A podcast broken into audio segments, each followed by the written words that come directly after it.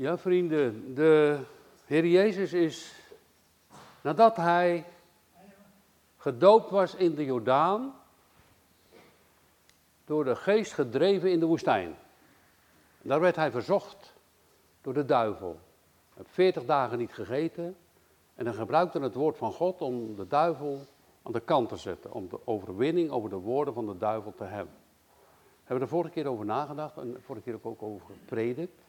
Maar nu, als hij dan verzocht werd door de duivel, staat er nu het volgende gedeelte in datzelfde hoofdstuk dat hij nu verworpen werd door de mensen.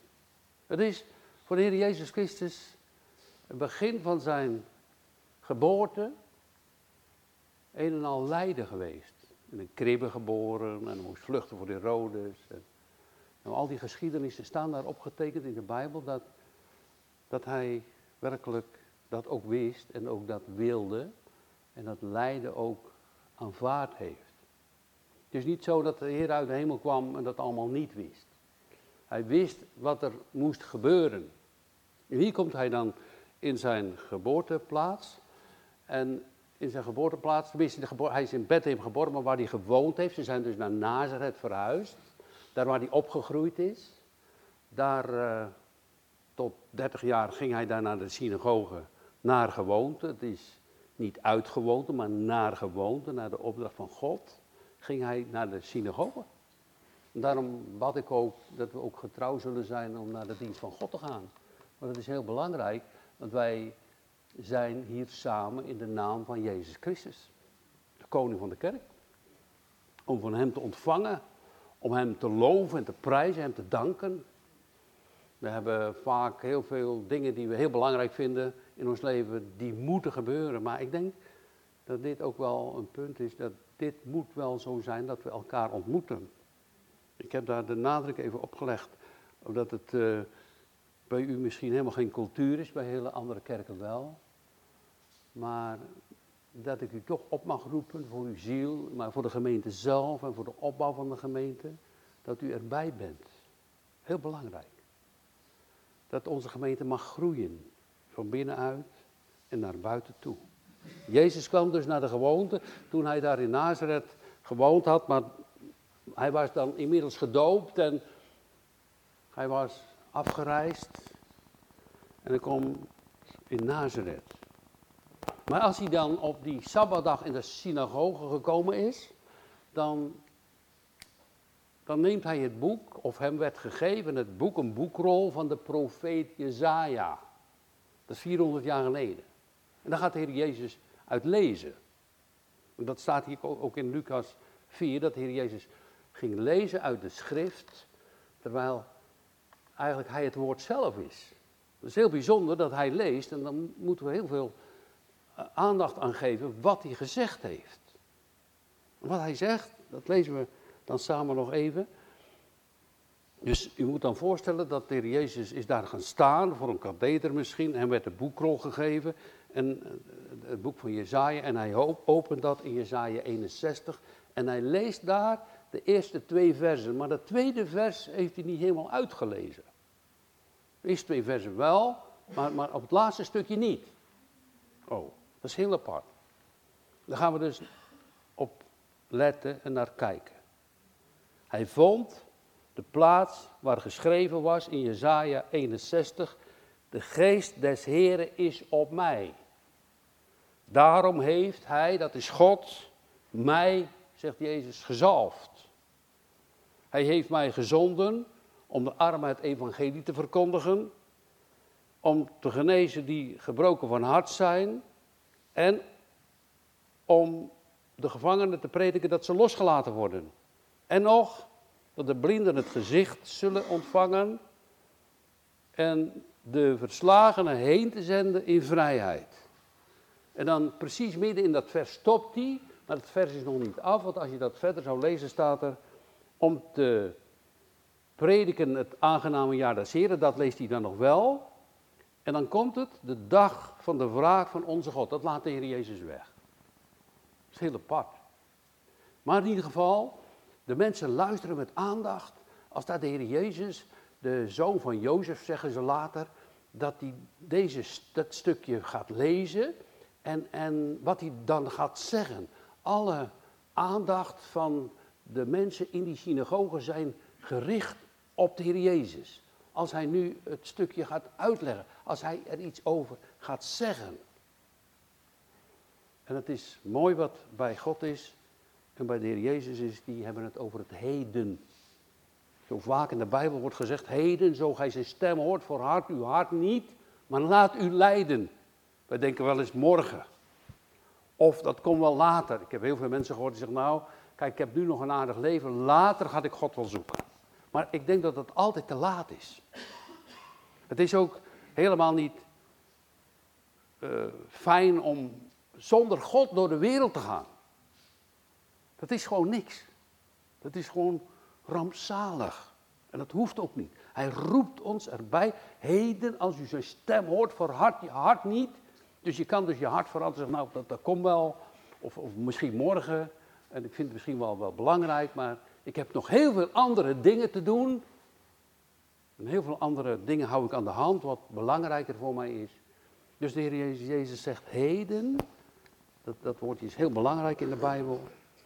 Is deze schrift in uw oren vervuld. Jullie horen nu iets. En wat er toen stond in Jezaja 61, dat is dus zo'n 400 jaar daarvoor, voor de komst van de Heer Jezus, dat is nu in vervulling gaan. Het gaat dus over de Heer Jezus zelf. Dan lezen we het even anders. Dan staat er eigenlijk dit. De geest des Heren is op de Heer Jezus gekomen. Toen hij uit het water opkwam en gedoopt werd. Hij is door God gezalfd. Hij is ook door God gezonden met een opdracht. En de opdracht is om die armen het evangelie te verkondigen. En om te genezen die gebroken van hart zijn.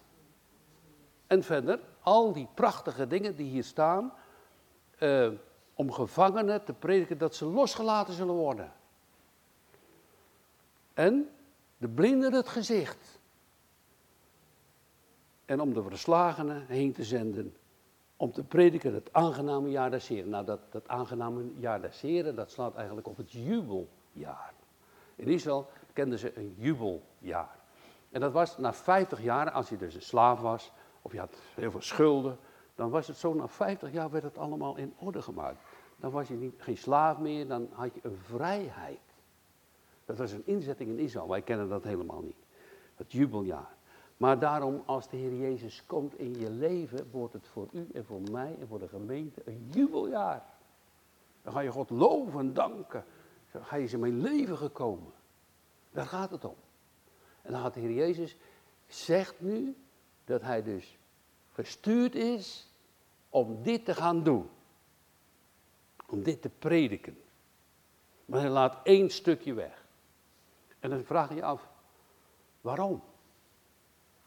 Wat laat hij dan weg? Als je dus het boek van Jezaja 61 erbij neemt, hij, hij, hij leest maar twee versies en dat tweede versje, dat laatste stukje, leest hij niet. En dat, daar staat, ik ga het nog een keer herhalen. Dus, dus het, begint dan nog op het laatst zo om te prediken het aangename jaar van de Heer. En dan laat hij dit weg, de dag van de wraak van onze God. Dat laat hij weg. Waarom zou je zeggen? Waarom laat hij nu juist dat kleine stukje weg? Zegt hij dat niet, leest hij dat hele vers niet af en zegt over die wraak van God? Voor de Joden die heel veel aangedaan is. Dat is een beetje lastig, denk je. Maar ik denk dat het zo is. Dat heb je misschien ook wel eens. Je gaat uh, een boodschap doen in de winkel. En dan heb je van alles gekocht uh, voor het gezin, of een vrouw doet dat meestal, ik doe het ook wel eens een enkel keertje. Maar dan heb je ook wel eens iets in je tas gedaan, hé, hey, maar dat is nu speciaal voor mij. Je hebt ook wel eens iets dat voor jou is. Maar ik denk dat dat over die wraak van God, dat de Heer Jezus zegt, ja maar kijk, ik wil voor jullie nu al die mooie dingen geven en die wraak van God, dat is voor mij. Die wraak van God neem ik. Zo. Dat is apart. Jullie allemaal dit. ogen geopend, gevangenen bevrijd, verbroken harten worden geheeld. Ja. Wat bedoelt de Heer Jezus uit met, die, met dat prachtige, met die prachtige woorden? Kijk, het, als hij gezonden wordt om het evangelie aan de armen te verkondigen, dat betekent dat dat, dat, dat, dat moet ook landen. Hè? Dat evangelie moet ook in die harten landen. Mensen moeten dat ook nodig hebben. Dat is de blijde boodschap van God uit de hemel, die door de Heer Jezus Christus is begonnen in het Nieuwe Testament te gaan prediken. Die blijde boodschap van het evangelie. Er komt licht. Er komt een nieuw leven, er komt een nieuwe hemel, er komt een nieuwe aarde. Er is vergeving van uw zonde. En als er staat, te genezen de gebrokenen van hart. Uh, pas heb ik een man gesproken. Die, uh, hij zegt, neemt u mij niet kwalijk, neemt u mij niet kwalijk. Hij zegt, dat ik zo huilen moet. Over het woord van God. Neemt u mij niet kwalijk. Ja, ik vind het eigenlijk helemaal niet erg dat u huilt hoor. Ik weet niet precies, maar ik dacht, ja, hij huilt over de, de, de, de, nood van zijn hart en over de liefde van God. Ik vind het helemaal niet erg dat je huilt. Hè? Soms kan ik helemaal niet huilen, een ander wel of niet, maar ik vond het niet erg. Ik zeg, want de droefheid naar de wereld werkt de dood. Maar de droefheid naar God, die werkt een bekering. Onberouwelijke bekering naar God. Als je verlangen, droef hebt, oh God, help mij, wees bij mij. Dat, dat, dat bedoelt de Heer Jezus, nu dat het evangelie verkondigd wordt aan die armen, die, die zeggen, hoe moet het nou hè, met mijn leven? Hoe, hoe, moet ik nou verder komen in mijn leven? Hè? Het klopt toch niet allemaal? Het is allemaal niet zo in orde? Hoe krijg ik het nou in orde? Dan ben ik daar voor jou, zegt de Heer Jezus. En als je het soms niet ziet, over die blinden dan, dan mag je ook wel vertalen in geestelijke zin. Hij hebt zo mensen die echt blind waren, heb je genezen. Maar heel veel mensen zijn ook geestelijk blind. Het is goed om dat van jezelf ook te weten dat het zo kan zijn. Dat je het niet goed weet. Die discipelen of die fariseeën, de schriftgeleerden, die zeiden ja, wij zien. Maar ze zagen Jezus niet. Jezus zegt, dan ben je wel blind. Dan ben je blind. Geestelijk blind, je ziet je heil niet. Je ziet niet wat Jezus voor jou betekent. En daarom zegt de Heer Jezus ook door de Heilige Geest dat je ogen geopend worden en dat je gaat zien wie Hij werkelijk is. Je gaat dus dubbel zien, niet scheel, ik bedoel dubbel. Je gaat zien wie jij bent en je gaat ook zien wie Hij is. En die tegenstelling is zo geweldig groot, van de hoogte tot de grootste diepte in jouw leven. En dat brengt Hij bij elkaar, door zijn bloed. Hij brengt het bij elkaar door zijn bloed. Door de reinigingen, door zijn liefde, door zijn trouw. Brengt hij zo bij elkaar. Ik ga dat in orde maken voor je. Dus de ogen worden geopend, mensen gaan zien. Mensen gaan horen ook. Oren worden doorboord. En als je gevangen bent in allerlei verdrukkingen of allerlei gewoontes of verslavingen, hij maakt het los. Hij bevrijdt je van de boze machten van de Satan. Ja, dat is het wel behagen van de Heer, die dat allemaal wil doen. Daartoe ben ik gezalfd, daar, dit is mijn werk, dat ga ik voor jullie doen. Nou, dat is gewoon geweldig wat hier staat. En dan zegt de Heer Jezus, vandaag hebben jullie het gehoord, het is in jullie oren geklonken. Jezaja 61 is in jullie oren vervuld. En dat andere, van de wraak van de God, dat brengt ons dan Golgotha. Waar er staat, zwaard in de profeet Zacharia, zwaard ontwaakt tegen mijn herder en tegen mijn metgezel. Ja. Ja, geweldig. Wat Jezus doet. Geweldig. Uh, maar ze wilden hem later, er staat er ook dat ze hem van de stijlte af willen storten. En ik liet dat speciaal zingen, dat, dat geen been wordt van hem gebroken. Hij hing daar aan het kruis en het gaat precies gebeuren zoals het in de profetieën stond. Vooral, kan u dat lezen in Jezaja 53. Het gaat precies zo gebeuren. Uh, zijn klederen werden niet gescheurd, ze werden dus verloot. Al dat soort dingen. Het is voor de Heer Jezus een timing. Precies zoals Hij het wil, zal het gebeuren. Maar die mensen die daar dan bij stonden en die hem hoorden spreken in die synagoge, uh, gaven hem getuigenis en verwonderden zich over die aangename woorden die uit zijn mond voortkwamen. Geweldig. Geweldig. Nou ja, zo kan je, kan je ook in de kerk zitten. Hè? Nou, dat was toch een goede spreker. Die willen we wel meer horen. Hè? Ja, dat, dat, dat is het wel. Dat, ja, daar zijn we wel heel erg blij mee. Dat, dat zouden we wel meer willen. Hè? Maar, maar gaat het nou over die spreker of over zijn manier of dat hij die boodschap van God aanneemt? Als je dat niet doet, dan heb je met al dat gedoe niks hoor. Zo zitten heel veel, kunnen heel veel mensen in een kerk komen. Dat ze alleen denken, nou ja, dat is een goede spreker. Maar die boodschap gaat als het ware langs hun heen. Vond die geweldige boodschap van de Heer Jezus Christus. Dat hij hun ogen, oren, alles wil openen. Dat hij hen los wil maken en los wil kopen. En dat hij de zaligmaker is, dat hij de Messias is. Dat horen ze niet. Wel geweldig, hè? En de mensen, ja. Dus ze hebben hier gelijk al een reactie gegeven, hè? Geweldig, hè? Wat een stem, hè, de Heer Jezus. Mooi, hè? Prachtig heeft hij gesproken, toch? Maar om dat nu in hun hart te laten komen, nou, dat gebeurde niet. En, en daar gaat het toch om. Weet u, als je dat eens een beetje zoekt in de geschiedenis, er is een prediker geweest. Iemand die kon eigenlijk helemaal niet zo goed preken. En die kon helemaal niet zo goed praten. En dan gaat dat nooit van jezelf maar hoog denken dat je het wel kan. Want dat lukt je ook helemaal niet. En soms sta je, dat zegt Paulus ook, in angst en beven om de prediking te houden. Je moet het doen, maar ja, zal dat wel kunnen nu? je hebt jezelf en je hart soms ook tegen, maar God zal je helpen en leiden. Maar goed, er was een prediker die kon bijna niet preken. En die had zijn preek maar opgeschreven en die moest zijn vingertje erbij houden. En dan las hij het voor. Duizenden mensen kwamen tot geloof. Het hangt niet van die prediker af. Het hangt van de kracht van Gods Heilige Geest af. Laten we daaraan denken, toch? Laten we die prediker niet vereren, maar laten we kijken naar de Heer Jezus. Wij zijn maar, zegt Paulus, onnutte dienstknechten. En Paulus was ook daar in die plaatsen waar hij moest spreken, soms vol angst en beven. En, en hij was helemaal niet zo aangenaam in zijn praten. Maar wij hebben nu nog zijn schriften en zijn boeken. Wauw. Ziet u? Dat is het wat hier gebeurt. Geweldig gesproken, hè, Jezus. Maar de boodschap kwam niet in hun hart. Nou, wat heb je dan gehad? Helemaal niks.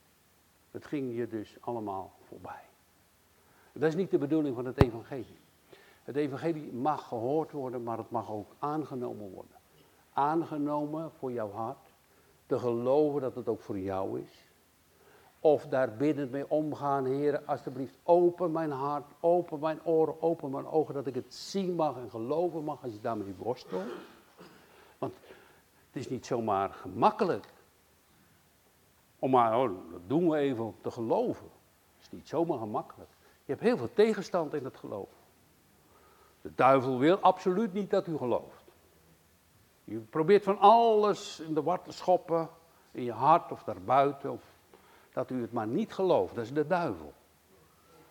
De wereld die met al zijn programma's op u afkomt, die wil proberen om u te zeggen, ja, waar ben je nou mee bezig? Ga dan met ons mee. Toch veel gemakkelijker die brede weg. Hoef je niet zoveel te doen. We allemaal die zorgen over het geloof. Maar het is de brede weg naar de afgrond. Waar de Satan ons ook in wil hebben. En dan hebben we nog een groot nadeel. Ons eigen hart is uit Adam. Het verstaat de dingen. En zo staat het echt in de Bijbel. Hè?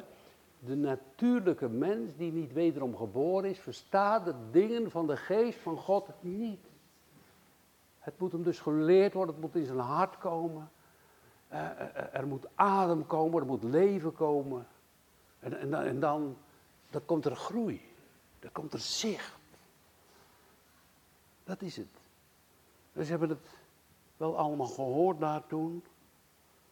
En, en Ze hebben zich verwonderd. Ze hebben gezegd, jongen, jongen, wat mooi. Maar dan komen die woorden in vers 22.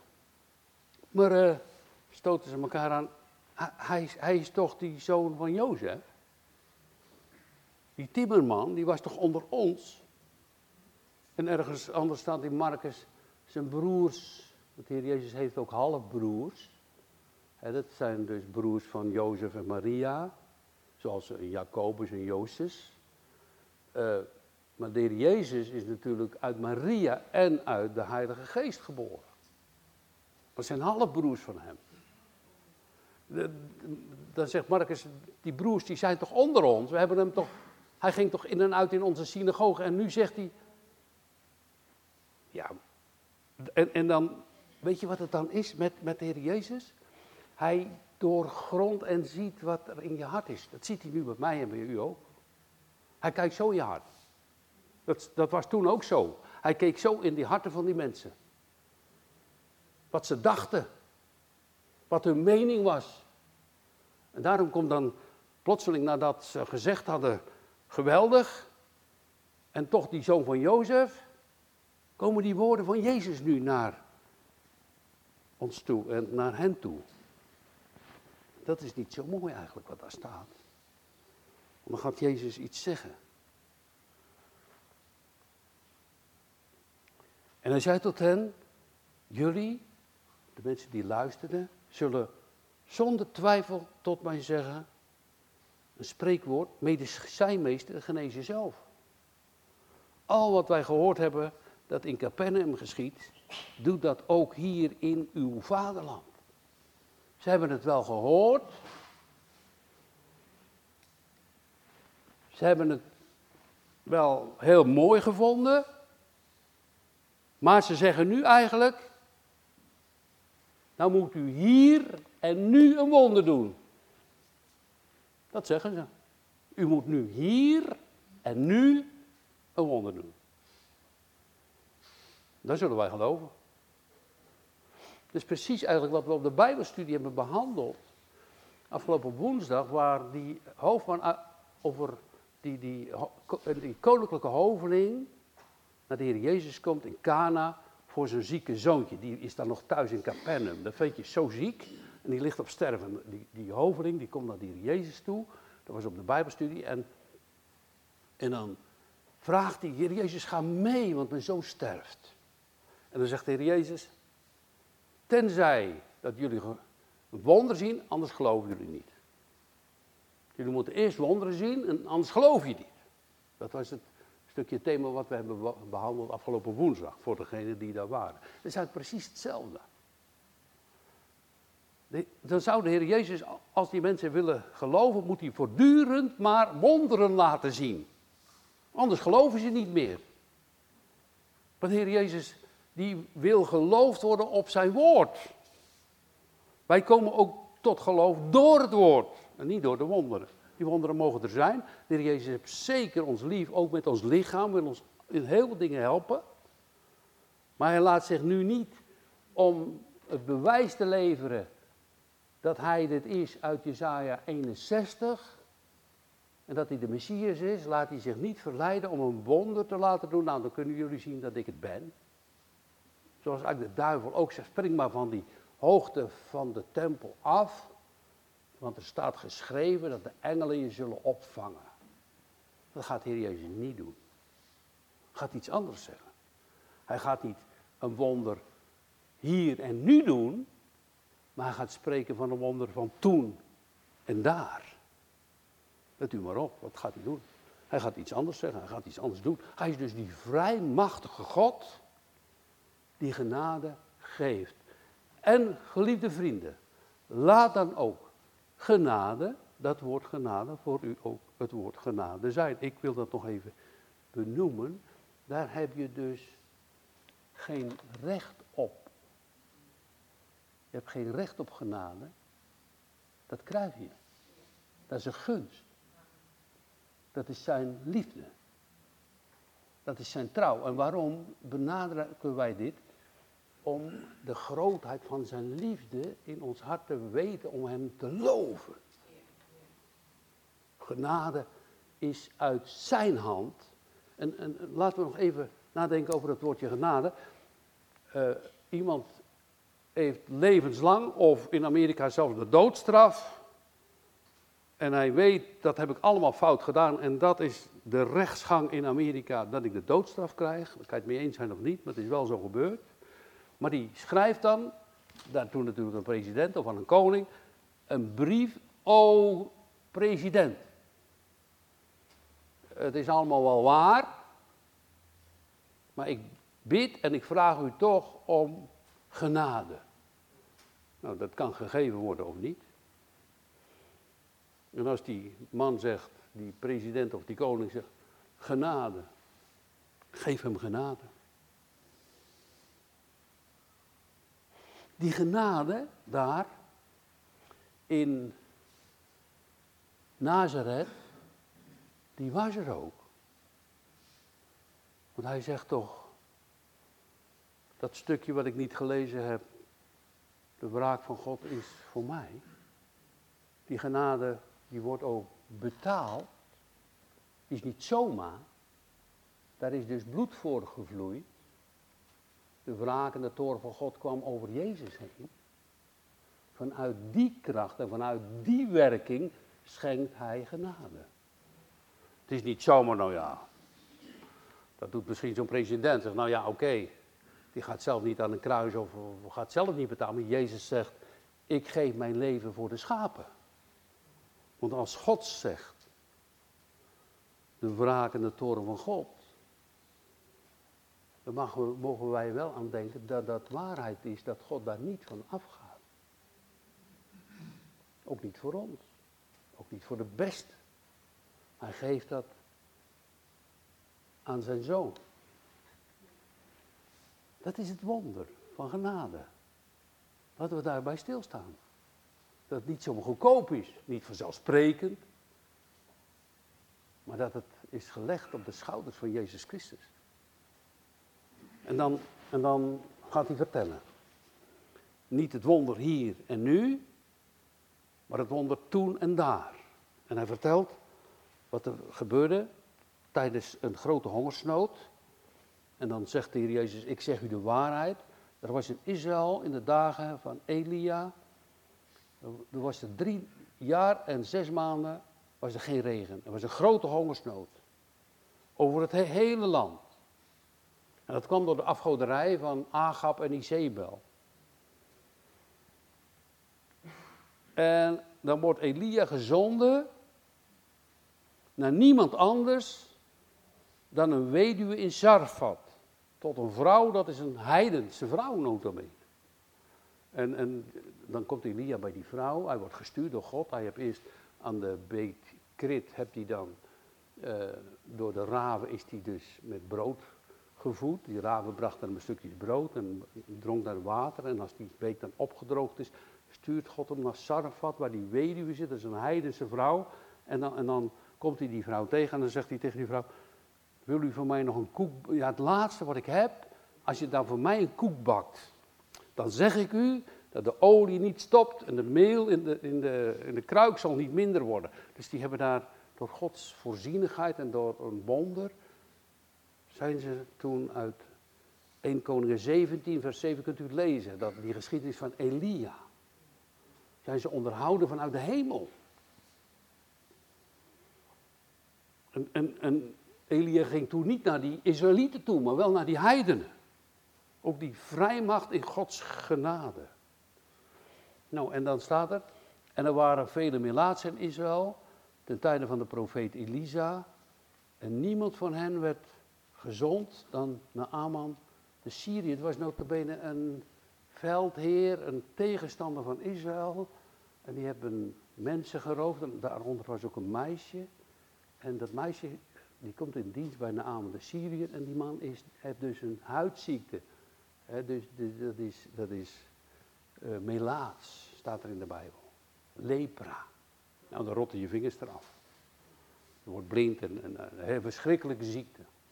Nu nog uh, wordt, er, uh, wordt er geld voor gevraagd om die mensen te helpen. En, en dan gaat Elisa, die, dat meisje, die, die zegt je moet naar je moet gaan naar, naar Elisa, dat is, dat is de opvolger van Elia. Hè? En, en, en die, die komen daar aan en dan zegt Elia, een heel verhaal natuurlijk, nog verder dat ze bij de koning kwamen, maar Elia zegt, je moet je zeven keer onderdompelen in de Jordaan. Nou, die man die wil dat helemaal niet. Dat hij dus, steeds heeft hij zijn huid ook al willen bedekken van ja, al die schurft en al die slechte dingen. En nu moet hij daar helemaal zich ontkleden en in die vieze, volgens hem, dat kleine Jordaan, zeven keer onderdompelen, maar op het laatst doet hij het toch. En hij is gered. En dan zegt de Heer Jezus, dus, dus God stuurde Elia naar die weduwe en die na Aman, de Syriër, werd van zijn melaatsheid genezen. Nou, en dan staat er, toen ze dat hoorden, werden alle in de synagoge met toren vervuld. Als ze dit hoorden. Ze, ze gingen briesen. Eerst vonden ze de woorden helemaal aangenaam en mooi. En toen de Heer Jezus dit ging vertellen, toen, toen werden ze woedend. Ze werden woedend. Nee, ze waren niet naar de Heer Jezus toegegaan en ze hadden niet gevraagd, Heer Jezus, ik heb u nou zo gehoord. bent u echt de Messias? Niemand. Ze waren met woede vervuld. Hoogmoedige gedachten van, ja, wij zijn toch Joden. En, en hij doet bij ons geen wonderen, ergens anders wel. En, en nou, ze wilden hem verscheuren. Kijk, en, en ja, dan, dan denk je, hoe is dat mogelijk? Hè? Ene keer de, de, de lof en de roem, en dat is ook gebeurd toen de Heer Jezus, uh, uh, Hosanna riepen ze, hè? toen hij de berg afkwam, de berg van uh, naar beneden de stad in. Ze riepen, Hosanna gezegend is hij die dat komt in de naam des Heren. En even later, nog een dag later, kruist hem, kruist hem, kruist hem. Hoe komt dat toch? Wat is dit? Waar komt dat vandaan? Hoe zit dat dan in onze harten? Hoe zullen wij het er afbrengen? Hoe zullen wij reageren? Kijk, als je, als je ogen niet geopend zijn voor jezelf, en als je hart niet geopend is voor de Heer Jezus, als het er echt op aankomt, dan, uh, nee hoor, dat, dat zal ik nooit doen. Maar ondertussen waren er in Nederland heel veel mensen die hebben wel de Joden verraden. Hè? Daar zit er nog eentje. Hebben ze aan de NSB'ers verraden, hè? Daar zit er nog, moet je daar, daar en daar, volgens mij zitten daar Joden hoor. En, en die gingen de gaskamer in. Het zijn uh, nette mensen die misschien nog een oorlogsverleden hebben en die nog uitbetaald krijgen als in de krant ook nog een keertje op het laatst. Krijgen nu nog uitkering. Ongekend. Hoe kan dat? Gebeurt hè? Dus die harten van een mens, wat, welk erfenis dat Jezus aangenomen heeft, is toch helemaal niet zo mooi. Je kan je ook niet boven verheffen, doe dat maar niet. Gaan we niet zeggen, oh wij zijn, dat deden zij wel. Ja, wij hebben toch recht op die wonderen. Ik denk dat dat het grote punt geweest is van hen. Wij hebben toch recht op die genade en op die wonderen. Maar ze wilden niet geloven dat Jezus de Christus was. Ze wilden ook niet van zichzelf geloven dat ze dus soms gevangen waren en blind waren. Dat wilden ze en konden ze niet geloven. dan gaat de Heer Jezus vertellen van die andere wonderen. En dan worden ze woedend. Ze grijpen een beet. Ze trekken hem sleur. Nou ja, zou toch met een prediker gebeuren. Dus nou, dat een beetje zat. Pakken hem beet, trekken hem door die deur heen.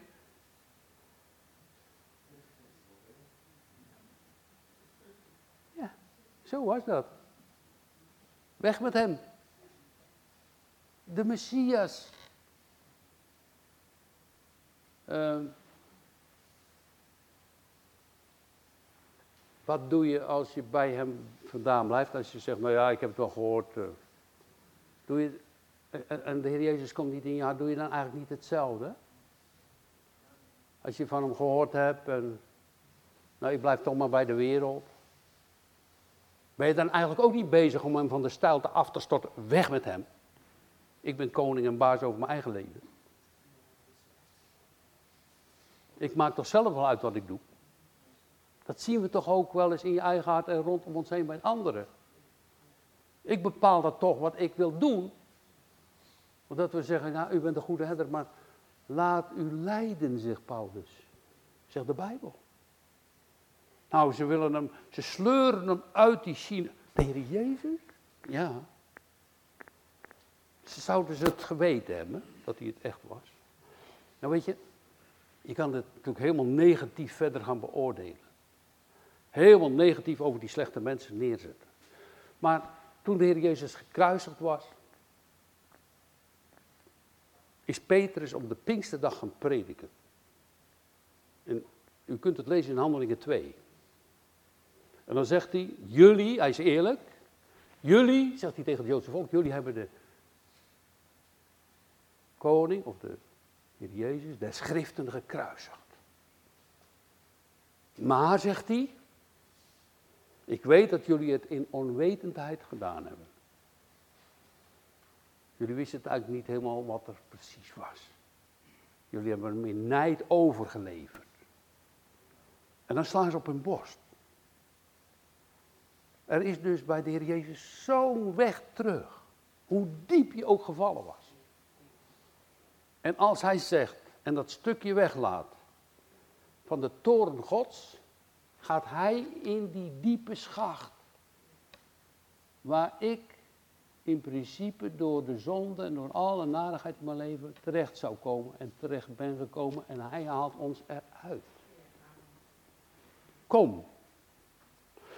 Wat, ook, wat u ook moet bedenken, het is niet zo dat alle in Nazareth verloren waren.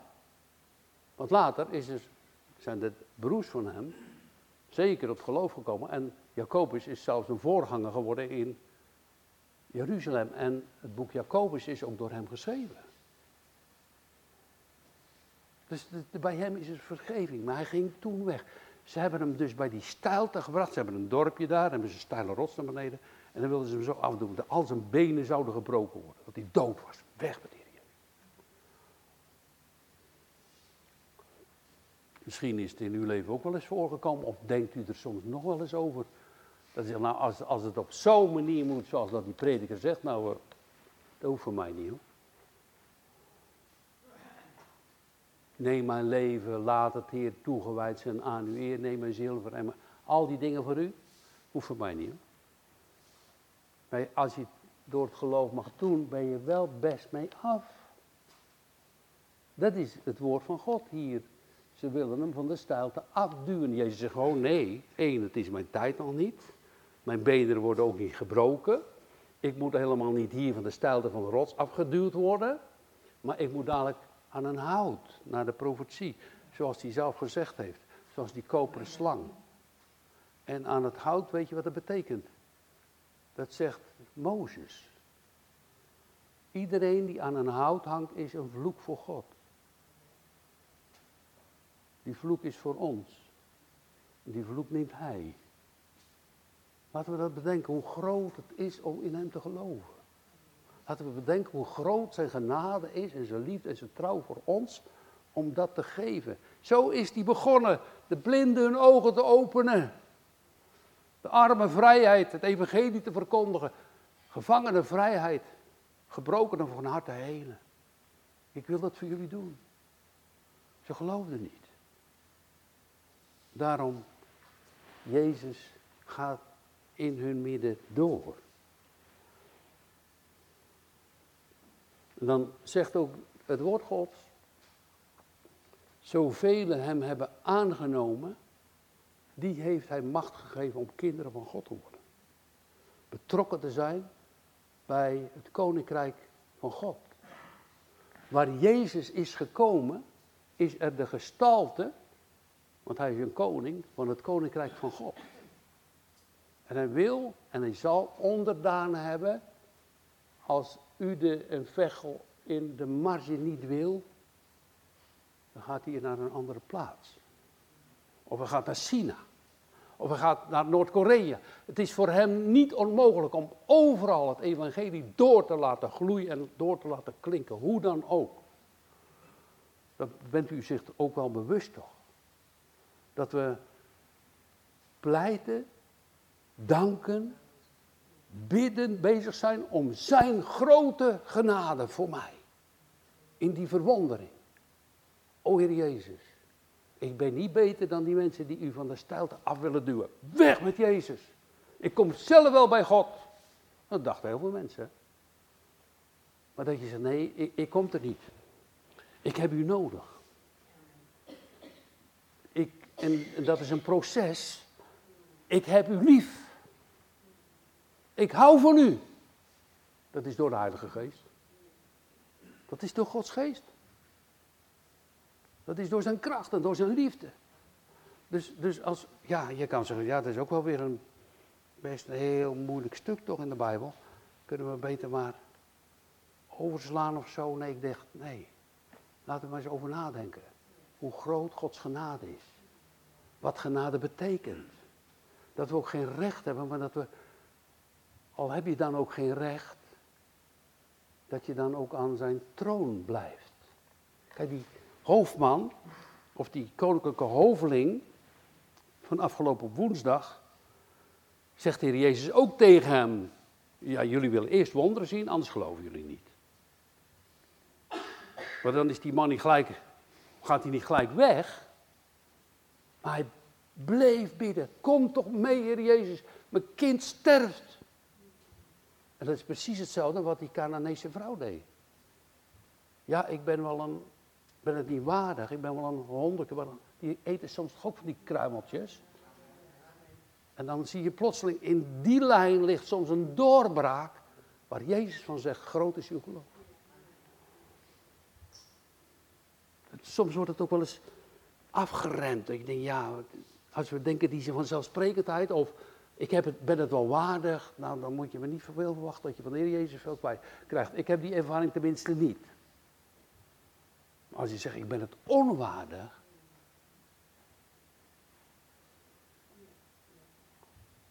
Ik ben niet waard, zegt die verloren zoon, dat ik uw zoon genaamd word.